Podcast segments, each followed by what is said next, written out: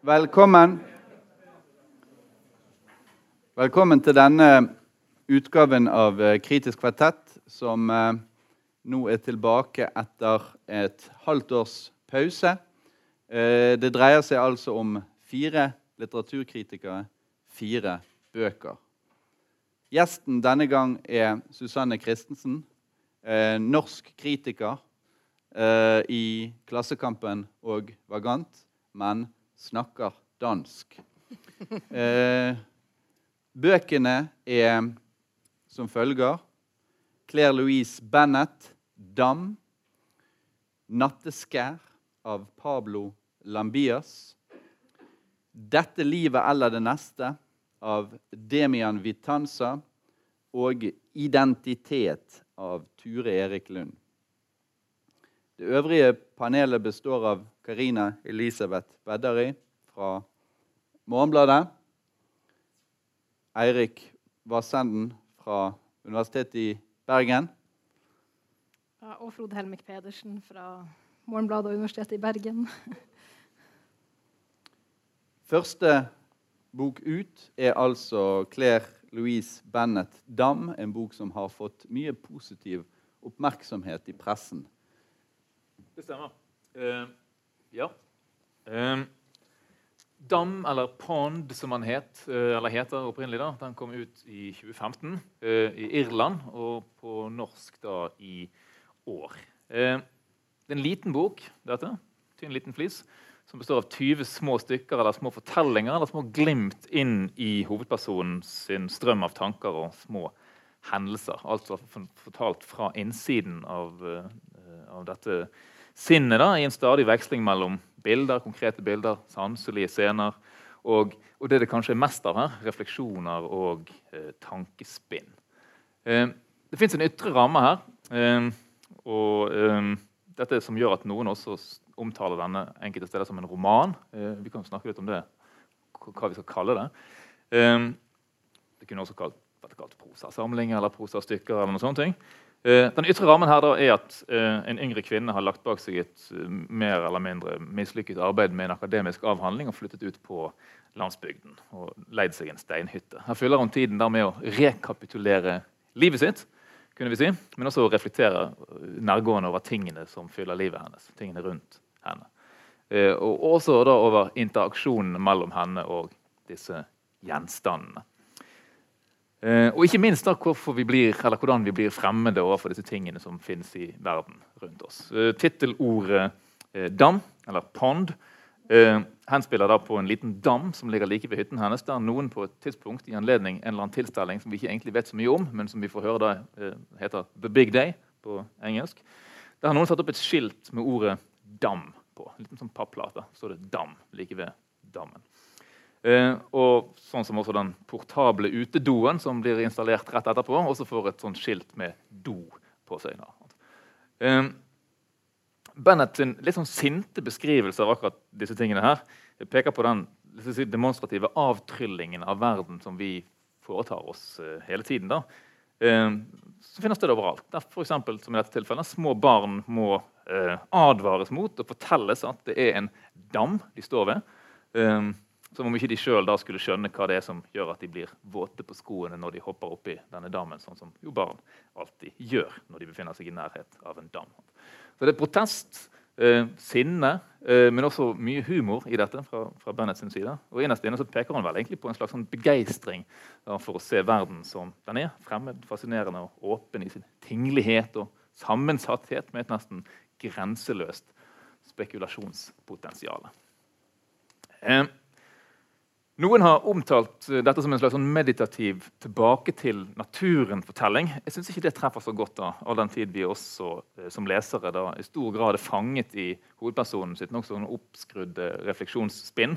Hennes tanker om verden, om akademia, om relasjoner, mennesker. Eh, og også da om ting og gjenstander og deres plass i livet hennes. Boken til Bennett har fått strålende kritikker og virkelig strålende kritikk av denne ifølge VG sin anmelder så sterk at du ikke tror det er sant. En vurdering jeg kan forstå, men ikke helt dele, dessverre. Eh, altså De mange brå kastene underveis i denne fortellingen her, i stilnivå det skifter det sånn kjapt fra beskrivelser til sånne mer direkte leserhenvendelser og små sånne skrudde perspektiveringer. da, I, i tone, i realisme og også da, i emne. For det fra det ene til det andre. Litt sånn vilkårlig. Litt sånn som vi tenker da, når vi lar oss drive med. Sant?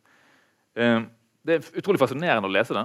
Uh, en slags sånn organisk tankerekke som fyker av gårde. Um, av og til høystemt, av og til barnslig, av og til fornuftig, av og til litt sånn febril og, og, og, rasende. Og Måtene disse ulike fortellingene er foldet inn i hverandre på, er innimellom utrolig elegant gjort. Uh, uh, flyter fra bagatellmessige observasjoner til helt tilfeldige møter til altså, dypt eksistensielle eh, hendelser. Hun finner et brev fra en, en tidligere kjæreste. Da, eh, liksom, liksom, tilfeldig. Så folder det seg ut et sånt stort Vi får et øyeblikk der hun da leser dette brevet fra kjæresten. Eh, egentlig for første gang. da, Hun har lest det mange mange ganger før, men aldri helt sånn som på denne måten. da, med Det alvoret. Og Det ville i en hvilken som helst annen tekst vært liksom, kjernen i denne fortellingen. Men den bare uh, gjør seg ferdig med det, og så spoler han videre inn i neste scene. da. Jeg synes akkurat, akkurat de tingene der er veldig flotte. Eh, det er et eller annet der med en sånn preg av en sånn usortert verdenserfaring som fremmanes i de beste tekstene. og det synes jeg er veldig, veldig bra. Eh, alle disse skiftene og stemningsendringene er nota bene da, eh, langt fra så elegante på norsk som de er på engelsk. Det er verdt å nevne. Det handler litt også om stilnivået. rett og slett. Jeg tror kanskje man har en større palett til disposisjon på engelsk når det gjelder altså rett og slett forskjeller i tone, forskjeller i stil, som flates litt til på norsk. da. Ok, Og så innvendingene mine. da denne oppstykkede formen denne boken har, er slitsom for leseren. Rett og slett fordi at man aldri helt kommer i gang. Man, man, leser en liten bit, og så er det stopp.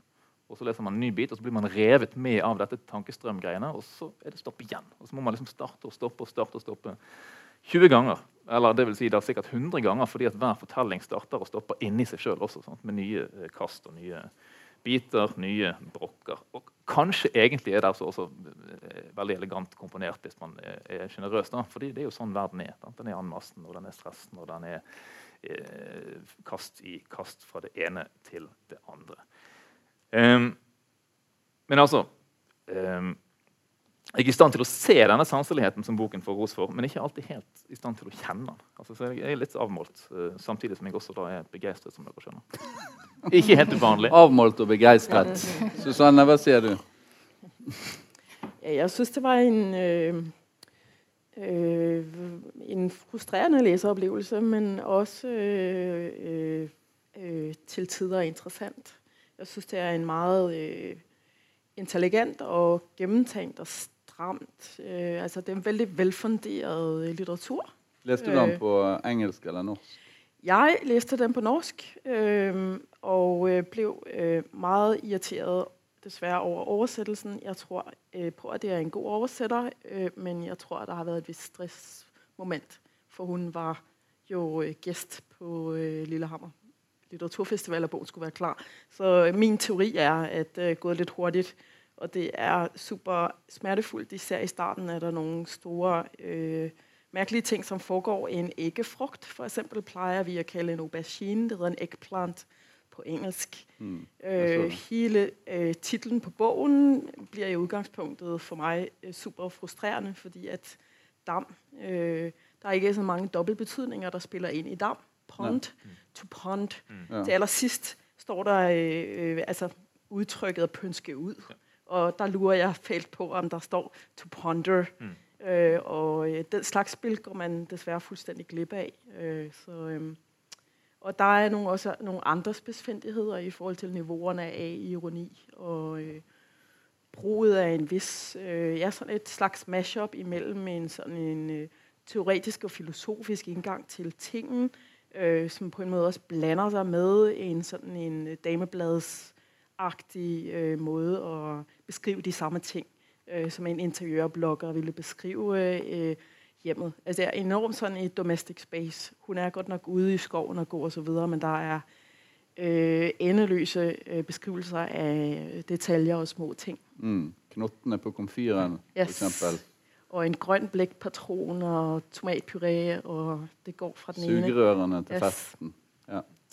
Og det, og det, er du kanskje ikke fullt så interessert i som man kunne ha ønsket seg hvis du skulle ha anbefalt med hele din entusiasme som kritiker? Altså, der er mye av det, som jeg blir superglad for. Øh, jeg har billedet av henne som, ja, vi kan si at den, jeg taler om, er ikke forfatteren, men personen i bogen, øh, jo også beskriver seg selv sånn at hun har et, øh, et øh, fiaskoramt øh, akademisk øh, ligesom projekt, som er Mm. gået i vasken på en eller anden måde. Det vil være lidt typisk så at søge tilflugt på hytter, og så skal man skrive den store roman. Øhm, så, øhm, så det er veldig sådan teori. Øh, ja, altså det er, ikke, mm, det er ikke en teoretisk tekst at læse. Den er fuldt Mm. tilgængelig, fordi den er så, øh, så sanselig. Øh, men øh, tankerne bag... Øh, ja, altså jeg kom jo umiddelbart... Jeg synes jo, hun ligner litt på Ole Robert Sunde, sjovt nok. Ja. Nogle av hans meget, meget inngående Øh, nogle av hans bøger om de små ting, om løsører og så videre. Øh, så jeg tror, der er en sånn litt øh, filosofisk slægtskab på den måten at hun går til på en meget sånn kunstnerisk måte og trækker det totalt vildt langt ut. Ja. Og så er der alltid en enorm spænding imellem øh, øh, et liv, som ikke har de store bevegelser, og så et enormt sådan et underliggende raseri.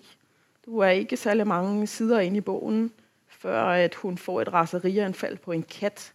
Jeg skal og får lyst til å stege den her kat på stikkepannen Jeg skal få det til å frese, din jævel Og, øh, så du har hele tiden fornemmelsen av at det er et enormt følelsesmessig tryk under neden, som bryder igjennom av og til.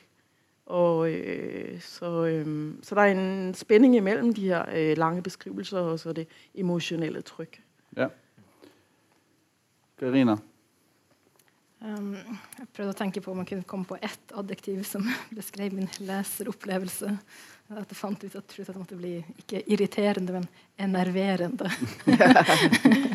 For uh, ja, jeg er jo enig i at det finnes veldig mye flott i den. Jeg syns hun skriver ganske sanselig om gleden ved ensomheten liksom, og gleden ved tingene og å være isolert. Uh, og så vil hun på en måte virke for, for meg forfatteren og hele prosjektet litt å komme vekk fra den vanlige fortellingen om et liv som er et hendelser skjer, identiteten skapes gjennom det, mens det helst hel, he, bare feier vekk ja, alt av plott, fortelling, fortel, selvfortelling til fordel for liksom bare se verden sånn som den er, og tingene. Eh, Det er det jeg ser som måte, prosjektet. Men jeg irriterer meg veldig ofte over setningene. Syns ofte det blir litt manert. Og noen av de korte fortellingene, den wok-wok-middagen som bare kastes i Ja. søpla, og oden til tomatpureen, eh, det ødelegger veldig for meg, for det blir en type humor som ikke treffer verken i, på norsk eller engelsk. Da. Men ellers er jeg veldig enig om oversettelsen. Jeg syns spesielt at humoren forsvinner eh, i det norske. Så, ja. En meget stor grad av estetisering av livsstil, mm. øh, som blir lidt, øh, som blir øh, hvor jeg tænker enten depression eller også anoreksi, måden hun estetiserer maden. Mm. Øh, så, men øh, det, er, det er egentlig en god, ofte virker det veldig godt, at der er en, en spænding mellom noe varmt og noe koldt. Øh, men du er også veldig stokk med den person, og hun er også opptatt av og sådan at Ja, hun legger opp til, at det er en slags betroelse. Du får det her skjønner du hele tiden. Ja. Og det blir maniert. Det, det synes jeg er litt for, øh, litt for Det er også de der bruddene med den kan vi si, litt sånn filosofiske tonene. Sånn, Mm. plutselig så stikker det ut en sånn leserhenvendelse som punkterer eh, den litt sånn, litt sånn oppstyltete. Mm. Ja, men når det gjelder det der med Dere, dere har jo, er jo inne på det med filosofisk tone på den ene siden og sanselighet på den andre siden. Og det vil jeg si er, er, er kanskje litt i kjernen av min eh, innvending mot dette verket, som jeg må innrømme at jeg uh, syns var ganske Mitt, mitt adjektiv er kjedelig, da. Eh, eh, og, og det, det er en tem, temmelig stillestående tekst, ofte velskrevet og sånn, uh, greit nok. Men det er et eller annet, det, jeg får et inntrykk av at forfatteren gjerne vil hengi seg til det sanselige, til liksom tingenes verden, til naturens verden, til bladet som flyr inn gjennom vinduet og lander i badekaret, og eh, fluene og biene og den sammensunkne osten etter eh, selskapet hun har hatt dagen før. og sånn. Men at hun liksom ikke riktig får til å hengi seg til det. At hun, at hun eh, blir beheftet med det cerebrale og det abstrakte på en eller annen måte som, eh, som gjør at jeg, jeg, føler at Du er litt også inne på det, at det ulmer kanskje noe bak der som ikke At det er en sånn form for hemming hele tiden. Som gjør at det liksom hele tiden, for min del iallfall, synker tilbake i en form ikke, for Men er ikke det sentrale i denne boken? her da? Altså, at det liksom kommer aldri helt i den der kontakten med si, tingene og verden som, som det snakkes jo, det, om? Men det sentrale kan du godt si, men altså det, resultatet for meg er jo at det blir kjedelig. da, og Du ja. kan jo godt si at det er kjedelig, og det skal være kjedelig. Men, eh, men, det vil jo ikke si at noen bok tjener på. Det er et par scener som er ikke kjedelige. Uh, altså, ja, da, absolutt, jeg, de, altså, De, rene beskrivelsessekvensene de blir litt daffe, syns jeg. Uh, eller, eller, eller, de blir litt statiske, da, rett og slett fordi det er et blikk og en ting. Og så er det en slags sånn speiling der. Mens, og jeg synes faktisk hun er best når hun skriver om det sosiale, om de relasjonene som er der. Disse mennene som dukker opp i livet hennes, disse naboene som er der. Og spesielt én sekvens på slutten, den, den med hemmingen. Eh, eller et stykke uti, da, der hun er syk, har gått stått opp og gått, ut, ja, gått en tur ut enig. Eh, på marken for å få litt luft og få puste litt. Så hun bare tatt en kåpe rundt og går egentlig, rundt, hun går egentlig ut i pysjen. Ja. Og så står hun og ser noen kyr der, og så er det mark der. Så kommer det en ung mann gående. Så begynner hun å tenke hva med denne unge mannen hvis han kommer ned hit forbi meg? og nå er det lenge siden jeg har ligget med noen, så kanskje hvis det skulle liksom bli grepet av begjæret, og kanskje han kommer hit eh, og, Men det altså, avviser han det i tankespinnet sitt. da og Så snur han og så ser han, ja, han kommer hit. ok, Hvis jeg nå skulle bli grepet av dette begjæret, ja, jeg blir grepet av dette begjæret, da kan alt skje. Og så eh, går mannen, lukker porten og går ned igjen. borte vekk. Ja, Det er vel en slags den, refleksjon over hva, hva, hva, hvordan er det å bli voldtatt? Ja, men som man, på en måte altså man aksepterer det, eller omfavner som en slags sånn lystfantasi. Ja, da, sånt, ja, men som igjen da uh, ikke realiseres. Den bare lukkes igjen, og så er fortellingen ferdig. Og så står hun igjen der og ser på disse kyrne og så sier hun, hvem er dere tror jeg er? Dronningen eller noe? Uh, og, og, men det, det, er på en måte ikke så veldig vittig. Og så er det et eller annet med at uh, at det som du snakket om i sted med disse kastene altså at hun, hun, hun, beveger seg inn mot et eller annet som man skulle tro som du sier da, er utrolig sentralt, hun kunne fått litterært mye ut av, så går hun bare videre. For meg går hun videre ut i noe litt sånn poengløst ofte. Og jeg skjønner at det er det som er på en måte prosjektet hennes, men for meg er det rett og slett litt poengløst innimellom. Uh, og ja, da, da, må man interessere seg for, for hele hennes univers for liksom å synes alt er like interessant som hun tar opp. Da, og det, det er ikke for meg, iallfall. Men vi må videre til neste bok, uh, er jeg redd. Um, og det er vel uh, 'Natteskær' av uh, Pablo Lambias, som da er var rektor på Forfatterskolen i København. Susanne, hva handler dette om? Ja, her er Nette Skjær. her er en av Pablo Lambias tidligere bøger, øh, Kærlighedens veje og vildveje. Måske kender I den titel, hvis noen av jer har læst Susanne Brygger. Er, øh, her har vi også et portræt av Pablo Lambias iklædt øh, Susanne Bryggers store hat og full makeup. Det er altså en slags remake eller genskrivning av Bryggers roman. Ja, uklar øh, genrebetegnelse, men selvbiografiske, en af hendes selvbiografiske bøger fra 75. Øhm, og øh, det er veldig typisk øh, for øh, Pablos øh, forfatterskap. Øh, han øh, startede ud i slutningen af 90-tallet, øh, og øh, har vel, ja, hans anden bog hedder Rådhus, og er også en slags øh, sådan roman, og blev vel en av de første bøger, som på en måte øh, hvor det begynte å ulme i det her, som nu, det her monster, som er blevet til virkelighetslitteratur. Øh, som er en underlig slags øh, dokumentarisk, konseptuell, øh, eksperimentel, øh, mærkelig, øh, mærkelig lille bog, som er blevet overanalyseret på kryds og tværs. Øhm, han har også en baggrund fra øh, kunstakademi osv., så videre, så øh, meget af den sådan spralske og sådan konceptuelle tankegang øh, stammer øh, fra øh, kunst, kunstfeltet. Natteskær øh, er, øh, ja, han har været en produktiv forfatter. Vi, jeg tror, vi er, ja, hvad kan det være, hans 15. bog, eller han er et godt, et godt stykke inde. Øhm, Pablo er, som Frode sier, øh, har været i seks år. Øh, fra 2009 til 2005 var han rektor på den hedderkronede Danske Forfatterskole i København.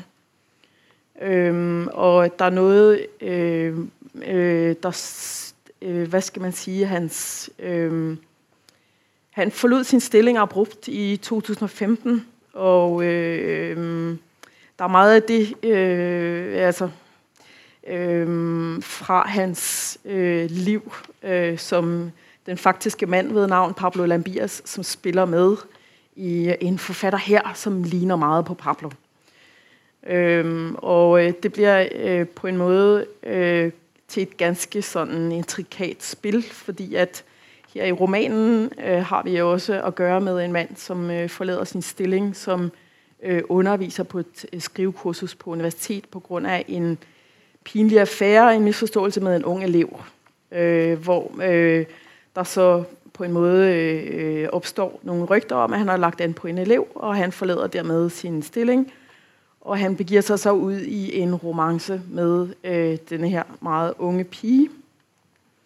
Øhm, nu blir jeg en lille smule i tvivl om, det er den samme pige for skolen. Det er det nemlig faktisk ikke. Nej, det ikke. Men han, øh, han møder en ung pige med chilensk baggrund, øh, og øh, bliver vildt øh, forelsket i henne. Øh, hun er mange generationer yngre enn ham. Øh, og øh, de går i gang med et meget sånn spektakulær øh, romance. Øh, og øh, han, øh, ja, de knokler på med at iscenesette deres øh, romantik på forskellige øh, måder. Besøgerne i naturen og tar opp i sommerhus og elsker på stranden og så videre, så videre. Øh, han, han, øh, han bygger altså en romantisk relation, en fortelling om, at de er sammen. Men øh, hun har noe bagage med i, øh, i øh, sin øh, noget psykologisk ballast, som gjør at hun lader seg rive med til dels av den his historie, som han forsøger å bygge opp. Så man gjør fortellingen om relasjon, om kærlighedsrelationen, men hun, øh, hun har nogle for, øh, store følelsesmæssige svingninger og øh, skifter øh, fra øh, det ene humør til det andet hurtigt, og så der udvikler sig en slags øh, voldelig relation, hvor hun øh, til dels er vældig opslugt af kærlighedsforholdet, og til dels bryder ud og bliver meget rasende på ham. Så vi får nogle meget indgående og skrækindjagende beskrivelser af øh, vold, og det er ganske sjældent, øh, må jeg at jeg kan ikke huske, at jeg har læst om. Øh, jeg har læst om voldelige forhold, men det har ofte vært kvinnen der har vært offeret.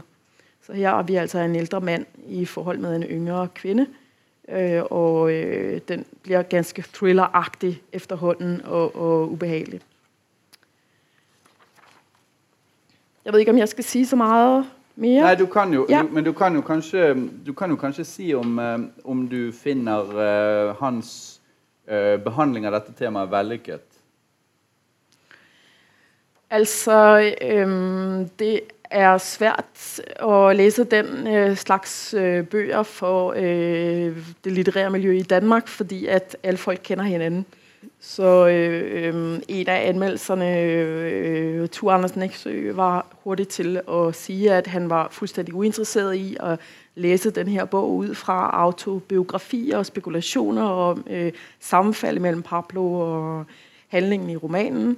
Og så bruger han jo alligevel ganske meget tid i sin anmeldelse på at gå ind i det her. Og øh, jeg, øh, jeg læste først og fremmest som en veldig god, øh, god roman, og ikke uproblematisk øh, men også med nogle, øh, med nogle linjer til øh, politiske niveauer, som handler om øh, magt og om øh, politik. Øh, der er et afsnit, et af mine yndlingsafsnit, handler om Anders Fogh Rasmussens tale i, øh, efter øh, systemskiftet i 2001, øh, da højre regering kom til magten, der gik der i gang sådan et op, opgør med, smags, med smagsdommerne. Og øhm, der har vi andet her i romanen en, øh, en diskussion imellem øh, en mand, som er erklæret, erklæret feminist. Han har lange øh, udlægninger, og han er en veldig øh, typisk sådan venstreorienteret øh, snil, snilist, øh, venstreorienteret øh, øh, feministisk mand.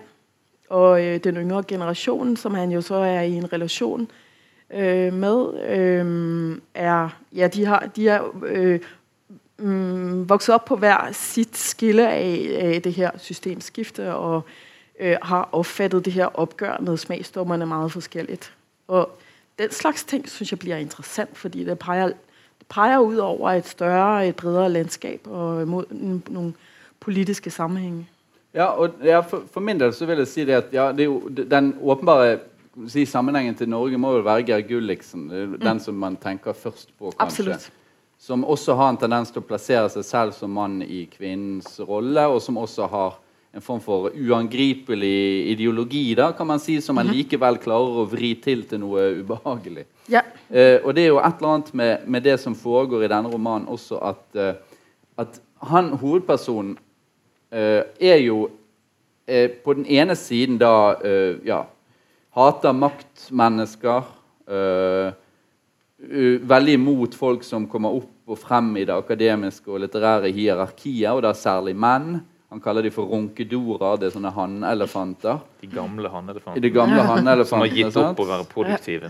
Og selv, nettopp, nettopp. og selv vil han da, i motsetning til disse, være lyttende og empatisk og feministisk og maktkritisk og ydmyk og hele tiden lydhør for at han kanskje kan ta feil.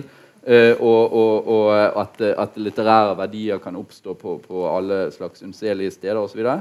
Men så er det jo det at det som skjer, er at han etter hvert fremstår som veldig sånn, egentlig ganske selvgod og på sitt vis sneversynt uh, i sitt agg mot alle som gjør ham usikker her i verden. Samtidig som han forsøker å dyrke sin egen svakhet som om den var noe verneverdig. Um, så han fremstår egentlig ofte som ganske sånn passiv-aggressiv. Uh, martrett av en uh, blanding av selvforakt og selvgodhet. Og så blir han jo da ironisk nok anklaget for en typisk sånn ronkedorisk overtredelse. Nemlig for å ha trakassert en kvinnelig student seksuelt. Eh, hvorpå han altså må forlate sin stilling på universitetet.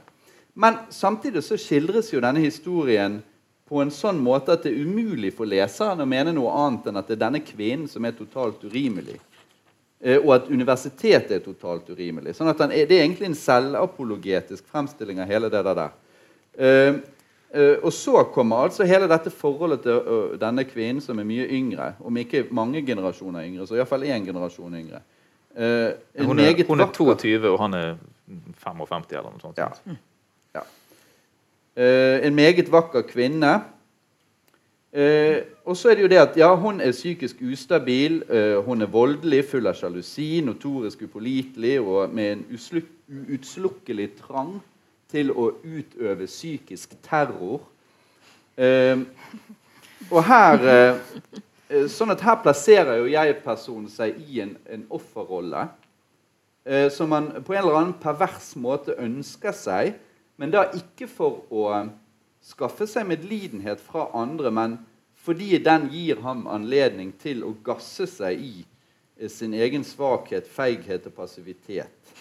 Eh, men samtidig så er han genuint fortvilet da etter hvert og, må, og skjønner at han må ut. Jo, men det kommer jo frem på slutten at han har vært i et voldelig forhold tidligere. For han har gått inn Det var Det er sikkert et sjokk. bare, ok, Han har, han har gjort akkurat samme en gang før. og- Så da begynner man jo å ja, sykeliggjøre han, eller bli mer og mer i tvil om hans eh, Du er hele tiden fanget i hans perspektiv, hans jeg-fortelling. da. Så- Man er fanget i hans perspektiv, så det er sådan... Det handler om, øh, og hvornår blir man skeptisk til hans måte å fortelle Er der, nogen, no, er der noe der peger i andre retninger? Kan det være, det er det jo øh, opplagt. da. Altså, Ja. sant? Det, den er, altså, det, det er jo for det første ikke en stab, helt stabil forteller vi eh, har her sant, å gjøre med. Han er opprørt av dette kjærlighetsforholdet sitt. Han er helt oppslukt av noen totalt urealistiske klisjéforestillinger av hva det er som skjer i livet hans. da. Altså Hans lange utgytelser om kjærligheten han har en bitte liten sekvens der som er, det er helt totalt patetisk. Eh, dette har en innsikten som han kommer til ganske tidlig etter å ha møtt denne. Det er jo en selvovertalelsesstrategi. han da. Jeg tenker at alle mennesker kan forvandles i kjærlighet. Kjærlighet kan kurere alt. Det er ingen hvis psykiske lidelser ikke kan lindres i kjærlighet. Kjærligheten overvinner alt. Og det sier han om igjen og om igjen. om igjen, disse greiene her. Sant? Samtidig så vet han jo at dette ikke er sant. Etter hvert så får vi se at han både fremfører disse helt sånn håpløst klisjésprengte poengene, og eh, mer eller mindre analyserer eller reflekterer over de parallelt. Da. Det er sånn Som om han ser seg sjøl utenfra, samtidig som han eh, forteller om disse tingene. her. Uten at han nødvendigvis lærer eller, eller så å si oppnår høyere innsikt. Da. Så, og, og Det er også noe som man igjen har til felles med Gulliksen. da. En sånn type selvgjennomskuelse som gjør de til bedre og mer sympatiske mennesker. Som kan se hvor de feiler som menn, særlig, da, og som mennesker. Ja. Um, Men, men så er det jo det som eh, Susanne sier med det, det der thrilleraktige som kommer inn. Hvordan vurderer du det, Karina? Det der At han liksom skrur, skrur dette til å bli en slags sånn spenningsroman, nærmest. Jeg tenkte egentlig at det ikke var så veldig thrilleraktig, for at det hele tiden kverner over det samme igjen og igjen. og Han går aldri fra henne. Eller liksom, det er jo kanskje det som er spenningen, da, om han skal gå fra henne eller ikke. Men, liksom, Ja, Og hvor langt hun er villig til å Ja, gå ja. i sin uh... men jeg syns det er så mange andre typer scener med også. Liksom det, hvis det skulle vært en thriller, så kunne han bare forkorta boka med 100 sider minst. Ja, ja. Men det er kanskje for at den hele tiden spiller med det virkelighetsnære, så må det være med en masse scener hvor de liksom er på tur, har sex. eh, Og han skriver de her eventyrene til henne. Han skriver sånne små godnatthistorier som skal roe henne ned.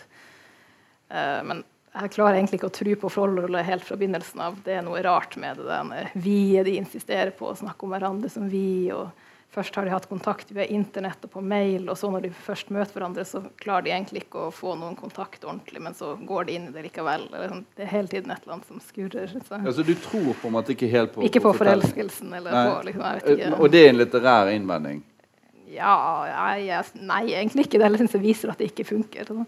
Men jeg tenker at det, er like mye, fremst altså det er like mye en fremvisning av det liksom Ja. kunstige i dette. Ja, ja, det. Og at en roman altså Det er jo ikke en realistisk roman heller. Sant? Den har hele tiden et slags sånn filter av noe sånn kunstig over seg, som, som jeg kanskje, fordi at jeg kjenner litt forfatterskap fra før, da, men som setter forbindelse med de tre eh, tidligere bøkene hans, som Ja, handler litt om det samme. ja. altså Tre sonettesamlinger på hver 300-400 sider. Eh, som beskriver akkurat den samme deprimerte, nyskilte eldre mannen som får seg yngre kjærester, som skammer seg over å få unge kjærester. For dette er jo også et sånt tema her. Sant? Han vil ikke fortelle noen av vennene sine om dette. Nei, han en før, han, før han inviterer de i bryllupet sitt, der de får møte da hans 22 år gamle eh, brud, som de jo skjønner at opplagt er en destruktiv eh, ting i livet hans. Eh, så, så det er noe sånt, er noe sånt, sånn, sånn skimmer av noe kunst, kunstaktig ved denne boken som gjør at det er litt vanskelig å ta det helt på alvor. Samtidig så spiller han opp på disse sjangerelementene. sant? De drar på romantisk ferie dit. Vi vet at noe jævlig kommer til å skje, at hun kommer til å banke han opp. De drar på en romantisk ferie på eh, leier seg et hus eh, oppe ved- oppe ved kysten, og så skal hun drepe han. Er det så langt det skal gå, dette her? sant? Så, så det hele tiden er sånn tror du det? Nei, jeg tenker aldri at det kommer til å skje. Jo, jo, jo. Det kunne skjedd. Og, og, det, og det, er også, det, er ganske, jo, men det er ganske bra beskrevet, det der med at, eh, at kvinnen er voldsutøveren. At, at, i, Ja da, i, på mange måter Det der at hun, I og med at hun er så psykisk sett eh, Hva skal man si eh, eh, Upålitelig og eh, egentlig nesten ond, vil jeg, vil jeg si, innimellom. Eh, så gjør jo det at han kan jo ikke ta igjen, f.eks. Han kan nærmest ikke gjøre noen ting, for han vet at da vil han få alle mulige slags anmeldelser mot Ja. seg fra henne. og sånn. Han er på en måte i en skvis i, i, det psykisk og fysisk terror som har satt han i en helt umulig situasjon, som han bare må prøve å komme seg ut av. Samtidig som han lurer på om det er han sjøl som har satt seg i den situasjonen. Fordi han har jo akkurat vært der eh, tidligere. sant? Og repeterer Ja, ja, noen sånne for, mønster- for all noen del. sånne Men det er det som er litt interessant. da. Men øh, ja, altså Gulliksen er jo oplagt øh, å sammenligne med, øh, men han er også en typisk forfatter som øh, altså, på en måte inderliggjør magtkritikken, dvs. Si faktisk setter seg selv på spill. Ja. Øhm, og så øh, jeg kommer også til å tenke på noen av de bøker som Klaus Beck-Nielsen har skrevet, selvudslettelser er det. Øhm, nogle af de forfattere, der kom frem i slutningen af 90-tallet, var øhm, øh, optaget af øhm, at ikke fremstå som oplysningsfigurer, men som øh, fallerede og som øh, ynkelige. Og, øh, ja, vi kommer direkte inn på det næste gang, når vi skal snakke om identitet litt senere, at det er en selvundergravende øh, og autoritetsundergravende litteratur, Mm. som jeg synes faktisk sætter ting rett mye på spil. Jeg synes, det er en stor satsning. Øh, jeg synes, det er ganske vildt, fordi at Pablo øh, gør jo i hvert fall det modsatte av Mange ældre forfattere øh, bevidst bygger deres ry og rygte op. Her øh, driver vi med en øh, selvundergravende, øh, selvundergravende praksis, Ja som er Og det, og det gjør det til en, til en ganske fascinerende. En ganske fascinerende leseopplevelse. Altså Hele denne patetiske eh, utleveringen av en skikkelse som vi tenker at ja, men, i normalt sett, hvis dette var en thriller, hvis dette var et psykodrama, så ville vi hatt sympati for det. han, For hovedpersonen. Men, men, men helt klart en sånn avstandstagen til ham. Ja. Nei, det er en ambivalens. En veldig grunnleggende ambivalens i hele, i, i hvert fall i min leseropplevelse. Og jeg tror i romanen selv. Jeg tror vi må gå videre. Um, og Det neste uh, romanen på programmet er altså um, Demian Vitanzas 'Dette livet eller det neste'. Uh, som vel må betegnes som et stykke virkelighetslitteratur. Eh, det er basert på intervjuer forfatteren har gjort med en virkelig islamist og syriafarer som nå soner en fengselsstraff i Norge. Åtte år fikk han. I boken går han under navnet Tariq Khan. Født i Norge, men med pakistanske foreldre. Vokste opp i Halden, men ble tidlig sendt på internatskole til Pakistan da han var tolv år. Og det var ingen kjære mor. Eh, Det var en, eh, et utdanningsanstalt fjernt fra alle norske idealer om didaktikk og oppdragelse. Men klarer etter hvert å overbevise foreldrene om at dette eh, ikke er noe bra for han da, og faren henter han da til slutt der nede i Pakistan, og han kommer tilbake til den behagelige, men kanskje litt slappe norske tilværelsen. Det Ture Erik Lund kaller for mammadalt-samfunnet. Eh, og vi får deretter en oppvekstskildring fra Halden og omegn, eh, preget av brytningen mellom ulike kulturer, den pakistanske og den norske, men også eh, om ungdom med bakgrunn fra andre kulturer. Eh, og der det viser seg at disse forskjellige fremmedkulturelle ungdommene ofte holder sammen eh, mot de etnisk norske. da. Det handler her om kriminalitet og festing, om en gryende følelse av tomhet, av å være et utskudd uten fremtid, ikke minst som følge av nordmenns etter hvert eh, nokså fiendtlige holdning, da, eh, mer og mer uttalt islamofobi. Eh, og når disse småkriminelle ungdommene da etter hvert vender seg mot islam, så er det ikke minst i et forsøk på å ta skrittet fra en sånn uansvarlig, retningsløs ungdomstilværelse og over til en ansvarlig voksenhet. Tariq sier det slik Islam for oss, det var å bli voksen. Finne en voksen måte å snakke på, en voksen måte å tenke på. En voksen måte å være på. Uh, deretter kommer altså skildringen av uh, radikaliseringen, kan man si. Opprørtheten over alle de norske muslimene som er for slappe til å ta konsekvensen av sin egen religion og hjelpe sine muslimske brødre og søstre i Syria. Tariq er ung, spenningssøkende, kompromissløs, radikal og klarer da sammen med en tsjetsjensk venn å ta seg til Syria med bil. Eh, på tross av at de ble stoppet ved grensen til Tyskland, og at det tyske grensepolitiet åpenbart vet hvor de er på vei, så har ikke de noe på dem formelt. Så kommer da skildringen av Syria-tiden. Den er interessant. Ikke minst dette med at situasjonen der nede er så Kanskje den er På en måte er det jo, er det jo eh, forståelig eller forutsigbart at den er uoversiktlig, men den er det på en, på en litt annen måte enn man kanskje enn man kanskje hadde tenkt seg som, som bare en nordmann som følger mediene. da. Det er mange ulike gru grupperinger og kamphandlinger og sånn. øh, vanskelig å vite hvem som egentlig mener hva, og hvem, hvem som har den rette religionen og sånn. Eh, men samtidig så er det jo folk som lever sine hverdagsliv der nede. eh, under IS. Eh, og eh, det som skjer med denne Tariq, er jo at han da blir eh, han, slutter seg til en fyr som kalles for, eh, i romanen for Abu Saad, og som blir en slags farsskikkelse for han, og som driver på med å kjøre ambulanse rundt omkring der nede. Med andre ord så er Tariq først og fremst involvert i sanitære oppgaver nede i Syria. Eh, selv om han noen ganger opptrer som en bevæpnet eh, grensevakt mot kurdisk side. da. Eh, og I motsetning til sine norske kamerater, som han i nåtidshandlingen eh, går ut fra er blitt drept, så sverger han ikke, ifølge seg selv, troskap til noen bestemt gruppe der nede. Og Når han til slutt havner i en livsfarlig situasjon og blir skutt, så er det sannsynligvis IS-soldater som har skutt ham. Eh, romanen er en blanding av fakta og fiksjon. Det gjør, gjøres helt klart fordi det er en del ting både ved familien og de ulike personenes opptreden nede i Syria som man ikke kan eller vil avsløre. Eh, det er ikke desto mindre et faktum at hovedpersonen, da han kom tilbake til Norge, eh, skadet da, eh, at han da ble dømt til åtte års fengsel for terrorvirksomhet og for å ha vært fremmedkriger. Denne dommen til Oslo tingrett er offentlig tilgjengelig. og Her fremgår det at retten ikke har andre beretninger enn tiltaltes egen, altså den som vi leser i full eh, utstrekning i romanen, da, eh, å forholde seg til. Men det retten har gjort, er at de har vist til diverse meldinger og likes på Facebook og andre sosiale medier, og mener dermed å kunne bevise at han var en del av IS, og deretter Jabhat al-Nusra og så igjen i IS ifølge norsk rett. Og Retten mener også å kunne bevise at han, eh, hans forsett var å etablere nå siterer jeg, alvorlig frykt i den syriske befolkningen. Det var derfor han dro ned.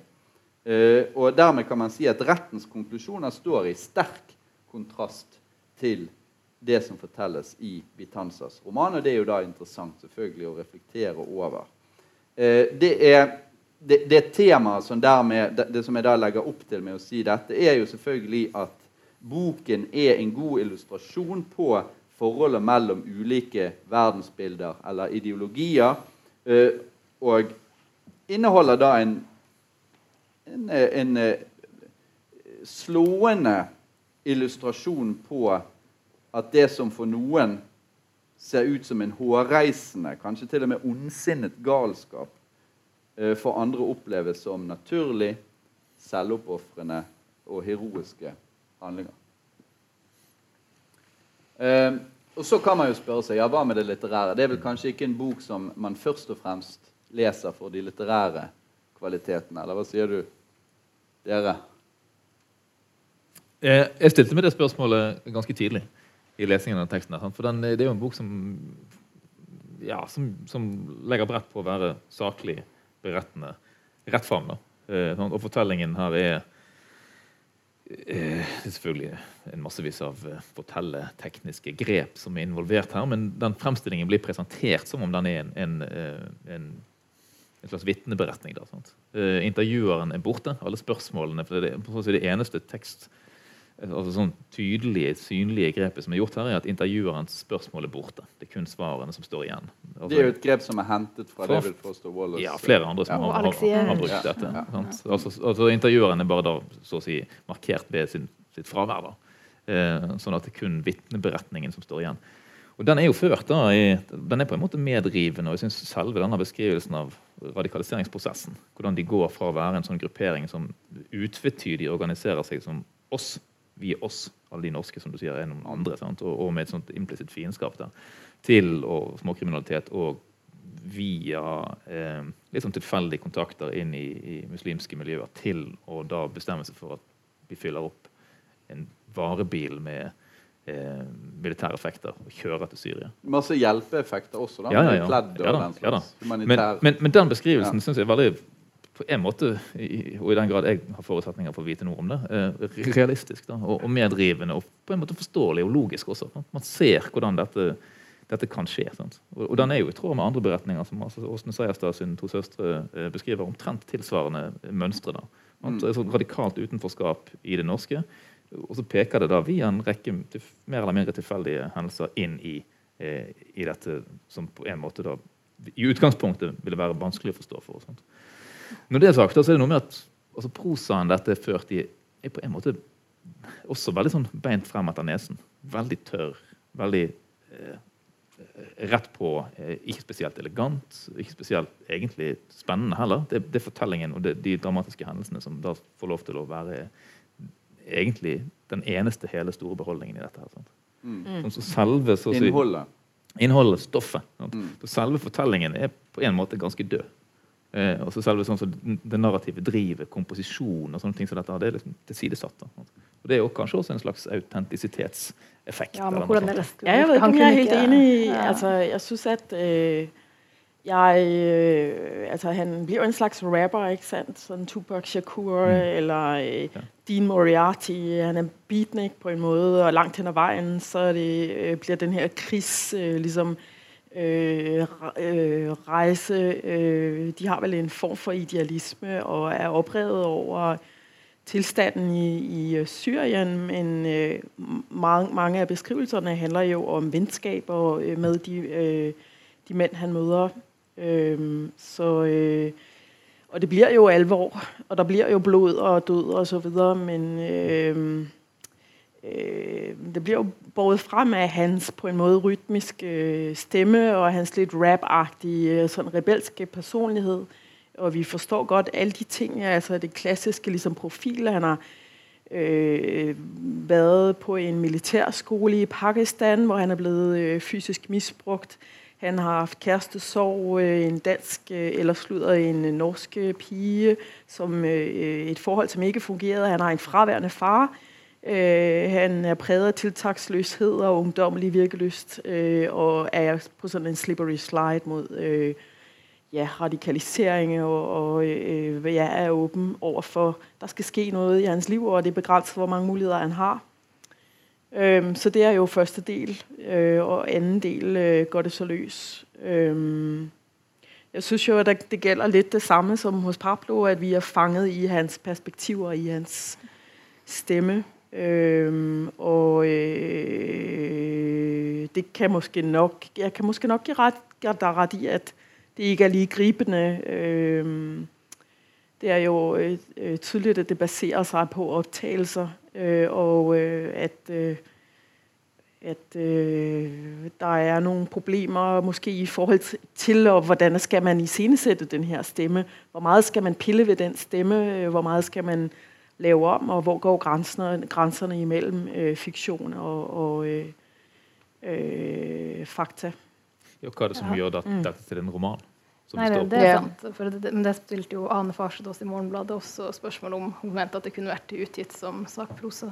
Mm. Men det kan jo ha med andre ting å gjøre, som at forfatteren er skjønnlitterær, og at de har lyst til å ha det på innkjøpsordningen, eller at uh, Kilden nektet uh, på det. da, For han er veldig klar, tydelig i, i, rom, i boka da, at det skal være en roman, og kan ikke si alt som det var PST kommer etter. La, Ja, det er jo fordi at han, er, han, han, sier jo det ganske tydelig. Det må ja. være en roman. Ellers så vil ikke jeg bli med på det. Fordi at vi må forandre på en god del ting. Mm. Uh, Men du ser liksom ikke noe av Vitanzas tidlige forfatterskap eller han som romanforfatter i boka. Det synes jeg ikke. Kjenner ikke igjen noe. Så. Men han har jobbet med teater, og den kan ja, forstås øh, måske best som en dramatisk monolog. Ja, ja, det kan man. Øh, men den vil jo insistere på å være roman. Mm. Øh, og det er måske sånn litt og, og er. denne ja, og det Spørsmålet kan vi også stille i, i sammenheng med det som Frode trekker frem. da, altså sånn å si Motsetningen mellom den fortellingen som finnes her, og den fortellingen som finnes i, eh, i, i retten sin argumentasjon. da, i mm. dommen. Mm. Eh, for, for et annet spørsmål, altså En annen ting som kan gjøre dette til en roman, er jo at eh, Tariq, hovedpersonen, fortelleren, eh, lyver. Mm. Det kan vi ikke vite. Sant? Altså Det kan være fiksjon fra ende til annen. Dette er jo hans forsvarstale. Jo, jo, men det, er, ikke, er ikke det noe premiss i hele boka òg, At det er en forsvarstale som kan ja, er utroverdig? Men i, hvilken grad er den på altså, Vi vet ikke om han er pålitelig. Vi har ingen forutsetninger egentlig for å vite det heller. På, på ett punkt tror jeg han er pålitelig, og da, det stemmer mange ting som jeg har lest. og det er den der det er kanskje noe av det jeg synes er mest fascinerende her, det som Frode er inne på, eh, og som handler om denne helt totalt kaotiske situasjonen som venter dem når de kommer ned der. Mm. De aner ikke hva de drar til. De tror at de skal ned og krige på den ene parten mot den andre. Mm. Og så er det talløse fraksjoner som står imot hverandre. Og så midt oppi alt dette, da, et land i total oppløsning og borgerkrig mellom en haug med fraksjoner, så er det normalitet. Mm. Så lever menneskene livene sine. De høster inn uh, sin fiken, og de uh, steller med ungene jager og plager bikkjen sin, og alt er sånn som det er. Sant? Ja, mm. og, og f.eks. IS, som for oss nå fremstår som en slags uh, ja, hva skal man si? Sånn, altså, hvis du krysser grensen til et IS-territorium, så skulle du tro at du merket det med en gang du liksom gikk over uh, terskel. Men så drar de jo opp der, og der sitter jo de der IS-soldatene. dette var jo litt tidligere i Ja, ja det var litt tidligere, riktignok. Men det er litt sånn Ja, hallo, uh, der får noe, få noe mat, og så hvem er dere, og hva har dere tenkt å gjøre? Det, det, det er ganske sånn hverdag, det er en sånn form for hverdagslighet som fungerer litt Som er interessant fordi at det er snakk om de mest demoniserte menneskene på jorden i, ifølge uh, norsk presse. Men han er jo uh, generelt ikke noe spesielt altså i, i, boken så er han jo ikke noe spesielt uh, Han jo ikke, uttrykker jo ikke noe IS-sympatier der, da. Men det er jo det som er retten sitt poeng, at han har mm. liket sånne forskjellige IS-hyllester på Facebook. og sånn, Så det han, han, han, ryker på det da, i, i, i norsk rett. De, de, forholder seg ikke til noe av det som han forteller den, der nede fra. Det eneste de sans, skal sannsynliggjøre, er at han sverger troskap til IS. Ferdig med den. Da er han ja, jeg syns egentlig at den delen som foregår i Norge, er det mest uh, interessante. Sånn som du sa, at jeg har tenkt litt annerledes. Jeg tror nok jeg lett har tenkt at å, jeg forstår så godt uh, fremmedkrigere. Det liksom, men det jeg har forstått, er jo bare den veldig sånn etablerte forståelsen av uh, unge, dårlig integrerte menn som søker mm. spenning, og som søker mening eller mening med livet. og søker seg ut. Ja, Nå fikk liksom det mer utfylt. da. Mm. Ja, og, med slags, sånn, og, med en slags sånn determinisme. Altså, ja. De har ikke noe valg. De blir på en måte hutlet sammen i sånne grupperinger. Ja. Og derfra så skjer det ting. Mm. Men en interessant bok. Mm. Det, det, er åpenbart fra alle hold her. Uh, Ture Erik Lund, er det en uh, interessant bok, eh, Karina? Identitet? Ja, det må man jo si. ja. Her er den. Kom ut uh, i år. Mye av tankegodset som Tur Erik Lund har lagt frem i sine romaner opp gjennom årene Han debuterte jo så tidlig som i 1992, og han var også noe sånt som 15-16 noe sånt utgivelse bak seg. Mye av det han skriver om, kommer nok mer frem i offentligheten nå enn for la oss si, ti år siden. Uh, for så blir jo konsekvensene av menneskets påvirkning på kloden sine systemer nå regna som så stor og markant at mange påstår at vi er inne i en ny geologisk epoke, antropocen. Og forfatterskapet til Lund det går rett inn i sånne her type problemstillinger. Det som står på spill for han, det er spørsmålet om hvordan det moderne samfunnet beveger seg. Eller hvor det moderne samfunnet beveger seg. Eh, og I hans romaner så arter teknologien seg som en slags singularitet, en verdensmaskin en totaliserende teknologisk livsform av språklig natur. En humanteknologisk språkorganisme. Og, ja, denne veien inn i biodigitale livsformer tematiseres også, tematiseres også i årets roman. Eh, men her for første gang i hans forfatterskap så fremstår fortelleren sin personlige historie viktigere enn noensinne. Identitet er ført i penn eller tasta inn på Mac-en, vel å merke, av den siste hallandsåsingen en jeg-forteller som virker å ha en god del til felles med sin forfatter. Han er, som som Lund, småbruker, snekker og forfatter, bosatt i Modum-traktene.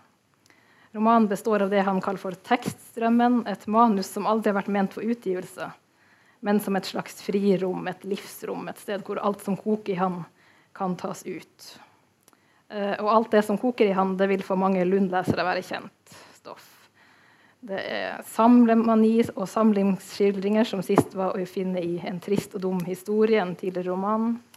Det fortsettes her. Det samme gjør teknologiskepsisen og den nesten altomfattende samfunnskritikken som man finner i ja, så å si samtlige av Lund sine utgivelser. Og også den halvt satiriske svanesangen over hans eget forfatterskap, eh, som særlig ble utbygd i hans forrige utgivelse, blir videreført i identitet. Eh, store deler av teksten er via fortelleren sitt private selvoppgjør eller selvforklaring og hans miserer både som snekker og forfatter. Etter titler som 'Intromateria' og 'Risommaskineriet', som ligner mistenkelig mye på titler Lund har utgitt, så ble Hallandsåsens romankarriere ja, den fisla ut i en signasjon på midten av 2000-tallet. Romanen hadde uansett aldri blitt forstått, verken av familie, slekt, samboer, snekkerkunder forlagsfolk eller aller minst kritikere som har lest den ubehjelpelige, uforløste selvhevdelsesmaterien som talent. Denne evige kverningen over omverdenen misoppfatninger kan jo iblant bli kjedelig lesning, men det blir også ganske ofte komisk. For så har forfatterkarrieren i det minste gitt avkastning i form av snekkerkunder fra den såkalte kulturelle klassen i Oslo, Folk som håper å øke verdien på sine leiligheter pga. arbeid utført av en middels kjent forfatter. Som om Kåken var en slags førsteutgave som jeg hadde signert, og dermed gjort mer verdifull for boksamlere. Eh, jeg vil nok likevel ikke kalle det for en total satire. For det er en vel så alvorlig og sår som en vittig og naraktiv roman. Eh, blant annet inneholder den en giftig og øm samboerskapsskildring. Hallandsåsen bor nemlig ikke alene på det småbruket, men sammen med kona Maria, en mer eller mindre havarert språkforsker, eh, og de har noen felles barn. De unngår hverandre stort sett, men forsøker iblant å nærme seg hverandre. Det resulterer mest i spionasje og mistanker om at Maria har brutt seg inn i tekststrømmen og skrevet videre på ting der. Um, men først og fremst er det fremstillinga av fortelleren sin avstamning fra en uformelig, rå, utspekulert småbrukerslekt som gir romanen en annen vekting enn de mest normale og teknologiinfiserte Lund-utgivelsene. Ja, jeg kan kanskje slutte der. Men ja, det der uh, hallandsåsing-jæla, som man ja. kaller det for, uh, det, var jo, det, var jo, ganske morsomt, syns du ikke det? jo. Veldig masse i boka er morsomt. Ja. Slektshistorien hans, eller artshistorien hans. ja, men hvordan disse her uh, hallandsåsingene driver med sånne forskjellige De er jo mangsyslere. De driver med alle slags sysle, sysler for, i forsøk på å karre seg opp og frem. Og de har aldri fått på en måte Eh, noe omsorg eller hjelp fra foreldrene, men i ung alder har blitt tvunget til å selge saltsild rundt omkring på bygdene. Og alle slags håpløse opplegg med grøftegraving. Ja, han skriver at han har vært en dreven vedforhandler, en sløy fugleburselger, en frekk kobbersamler, en dyktig unnasluntrer. En god storskryter og et halvt kriminelt arbeidsjern. Og alltid, og alltid løgn. Altså. Ja. Vi kan aldri stole på noe av, disse, det, noe av det noen halvlandsårsinger sier. Det er skryt og løgn og kølbrenning og tuskhandel og, ja, og småbrukervirksomhet. Og alt som han sier, gjelder dermed også for eh, teksten hans. Ja, eh, romantekststrømmen hans. Da, Til også skryt og løgn og tuskhandel. Hva sier du, Susanne? Jeg, jeg kan jo nøjes med å lese opp min anmeldelse fra det nye nummeret av Vagant. Øh, eller det vil jeg selvfølgelig ikke gøre her, men du øh, jeg, jeg kan det du egentlig mener. det det fine tidsskrift og læse min anmeldelse. Uh, The Rest is Silence. Nej, øh, jeg har jo læst øh, Lund og anmeldt ham tidligere. Jeg har ikke øh, læst hele forfatterskabet, men han er jo en øh, forfatter, som altid er underholdende at læse, synes jeg, og provokerende på samme tid. Og øh, men jeg ble måske mest provokeret over øh, de anmeldelser, han fikk her. For øh, der er jo noen ganske rabiate og øh, angreb på navngivende kritikere, og noen meget, øh, Hva heter det, udbyggede øh, analyser og kritik av forskjellige forfattere og mekanismer i det litterære miljøet. Og der så jeg vil nok si at de, en del av de anmeldelser, jeg leste, var ganske sådan passiv-aggressive, og ja, ja, Lund, han må jo holde på, og haha. øh, men øh, når bogen heter Identitet, så, øh, og han stiller, ja, altså, der, det bedste, det bedste, man kan si med en roman eller en litteratur i det hele taget, er, at øh, det genererer spørsmål og jeg stiller meg et spørsmål om, hva en forfatter er, hva et verk er, og ultimativt også, hva en litteraturkritiker er. Og øhm, jeg synes, at øh, at man må svare ham på en progressiv måte. Så jeg kom i akut øh, identitetskrise faktisk og tænkte, jamen det er riktig hva han sier. Elendige litteraturkritikere. Hvorfor holder vi på, og hva skal det gjøre godt for? Så, øh, så jeg tenkte at jeg, så halvdelen av min anmeldelse er jo så øh, min egen øh, identitetskrise som svar på Lunds kritikk. Det passer ikke, men jeg slutter i hvert fall med en lille refleksjon. Som, jeg, som, som egentlig, jeg synes er det svar, man bør gi ham på en måte. En slags øh, grundlagsspørgsmål til, hva kritikken holder på med. Det var veldig absurd at uh, Bjørn Ivar Fiksen i Klassekampen skrev under overskriften 'Lukket verden' og mente at uh, den boka ikke hadde noen uh, referanse til virkeligheten. Det var bare selvrefererende. Jeg bare, Hæ, hva er, det, er ikke det vi som lever i en lukket verden hvor alt er det lukket kretsløp av kapital og profitt? Det det er jo det, akkurat det han skriver om. Eh, ja, Ja, nei, Han åpner jo absolutt opp mot, uh, mot den virkelige verden. Det er jo, Ja. som Susanne er inne på, en god del navngitte personer som får sitt pass påskrevet. Han er jo stort sett imot hele det litterære Norge og mener at det er en haug med tullinger som har misforstått den, og de er så etiske og sosialistiske at det halve kunne vært nok. Og Og de klarer ikke å forstå, i alle fall ikke å forstå en hallandsåsing når han setter i gang med, med, med, med tekststrømmen sin. Og en lang rekke navn blir gjentatt med sånn monomant om igjen og om igjen. om igjen. Vi får høre hvordan eh, særlig da Kjønneland, som eh, gang på gang har brunskvettet og brunmalt den i én anmeldelse fra 2001, eh, og, og ikke minst. Knaus Knausgård er en skikkelse som går igjen her. Da. Og, og, og klart også at dette er en tekst som beveger seg over i, i autofiksjonsuniverset. sant? Eh, det- Eh, ikke etter mønster for Knausgård, for Knausgård tar han jo et slags oppgjør med her. Han forteller at han, eh, han har solgt unna gård og grunn for å finansiere arbeidet med tekststrømmen. Blant annet et, eh, et, et, um, et, en utskrift av en førsteutgave, eller den første versjonen av eh, En tid for alt, som han fikk solgt eh, for 60 000 kroner via noen eh, antikvariatsbekjente. Altså, en, en sånn der type, en sånn type Ja, og av og til, for Han driver jo på med det med flere av sine forfattervenner. Så han får uh, manuskriptene, for han er jo inne i det der boksamlermiljøet. og, som, og som konsulent er han også. Ja, som sant? konsulent, sånn at han, Ture Erik Lund, som tross alt uh, må være uh, hans altså Vi må anta at det dreier seg om her til en viss grad. Eh, skriver da kommentarer i margen, og så er det kanskje Solstad sin roman. Men så ser han da at det, det, ikke, det var ikke så interessant, eller det var ikke så mye kommentarer, så han lager de i ettertid, lenge etter at boken er kommet ut. Så lager han de, Men da må han være ganske sånn snedig da, eh, og lese romanen godt en gang til og passe på at de kommentarene er gode, og så selger han de da for en, for en ganske god slump med penger for på den måten å karre seg eh, videre frem her i livet på en, på en måte som da slektene hans har drevet på med i generasjoner, nettopp ved hjelp av den slags knep. Og de, jeg syns de skildringene er eh, veldig veldig morsomme. Men syns dere ikke det er noe trist i den? Jo, absolutt. Det, blir det jo Det er en absolutt. Det er en resignasjon her, Ja. sant, også, som, eh, og en forfatter som på en måte har ja, eh, abdisert da, fra sitt eget forfatterskap, så å si, fordi at han føler seg misforstått og, og bare sunket inn i denne teksten som nå skriver seg sjøl, og som, som jo er han.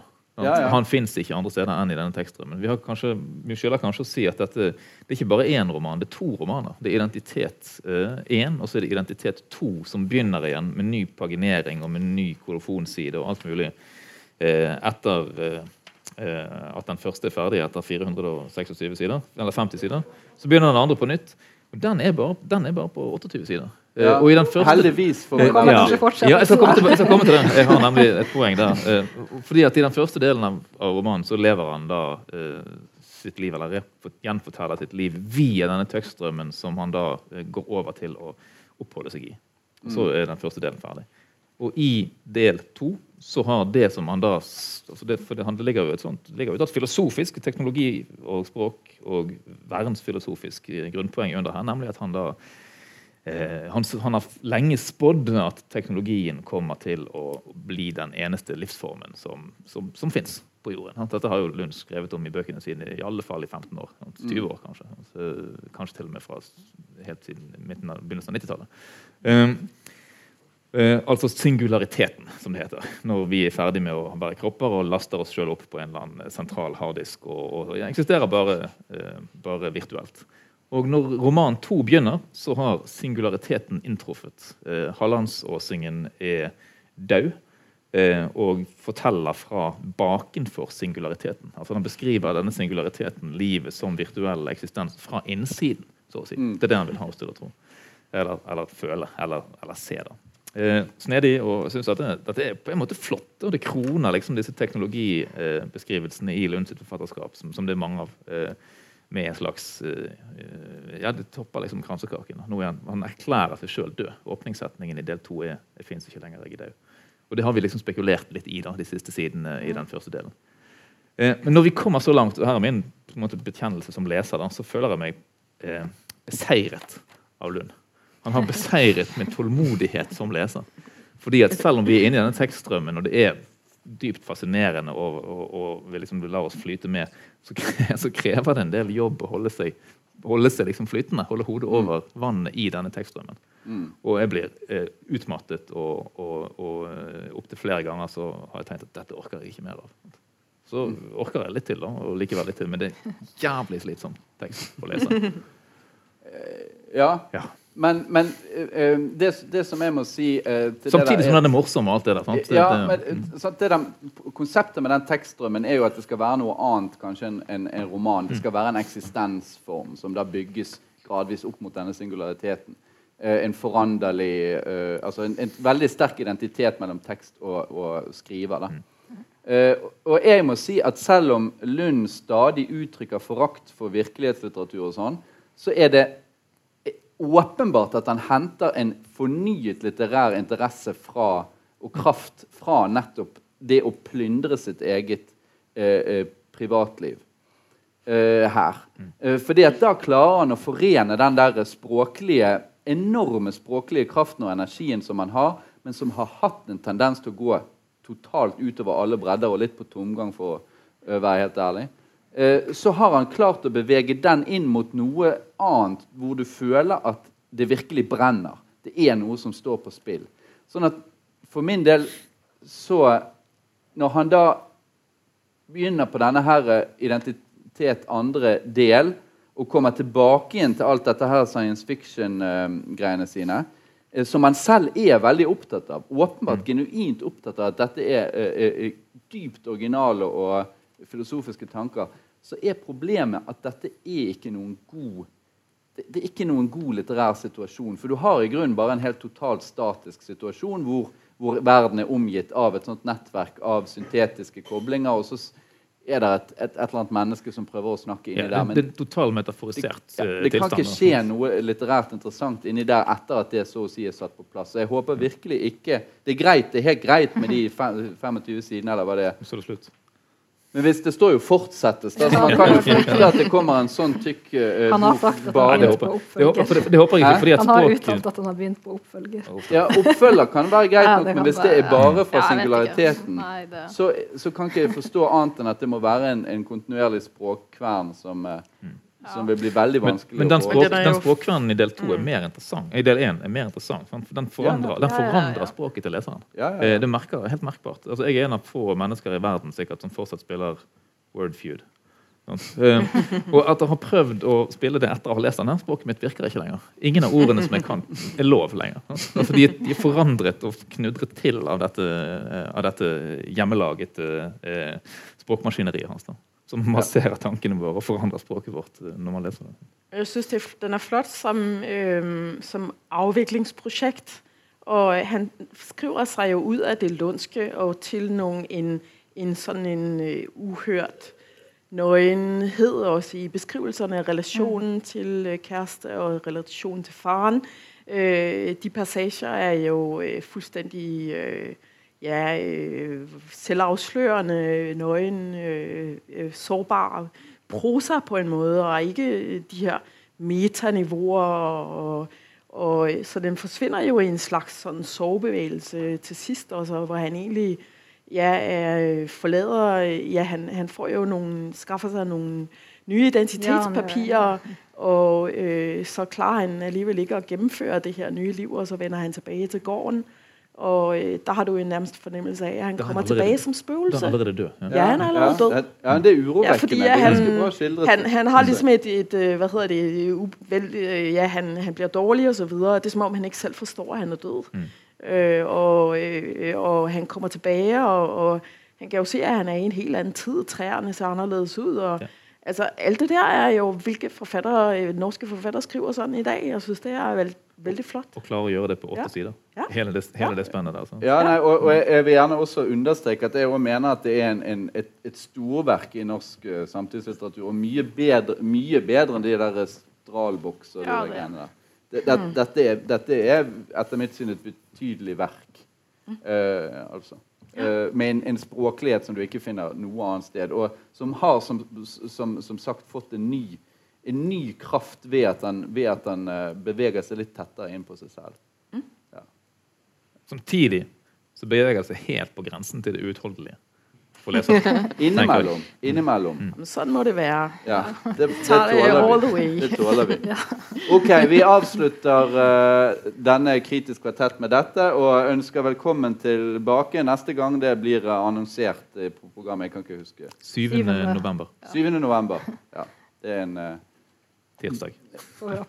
En liten pause, altså. Takk for i dag. Takk.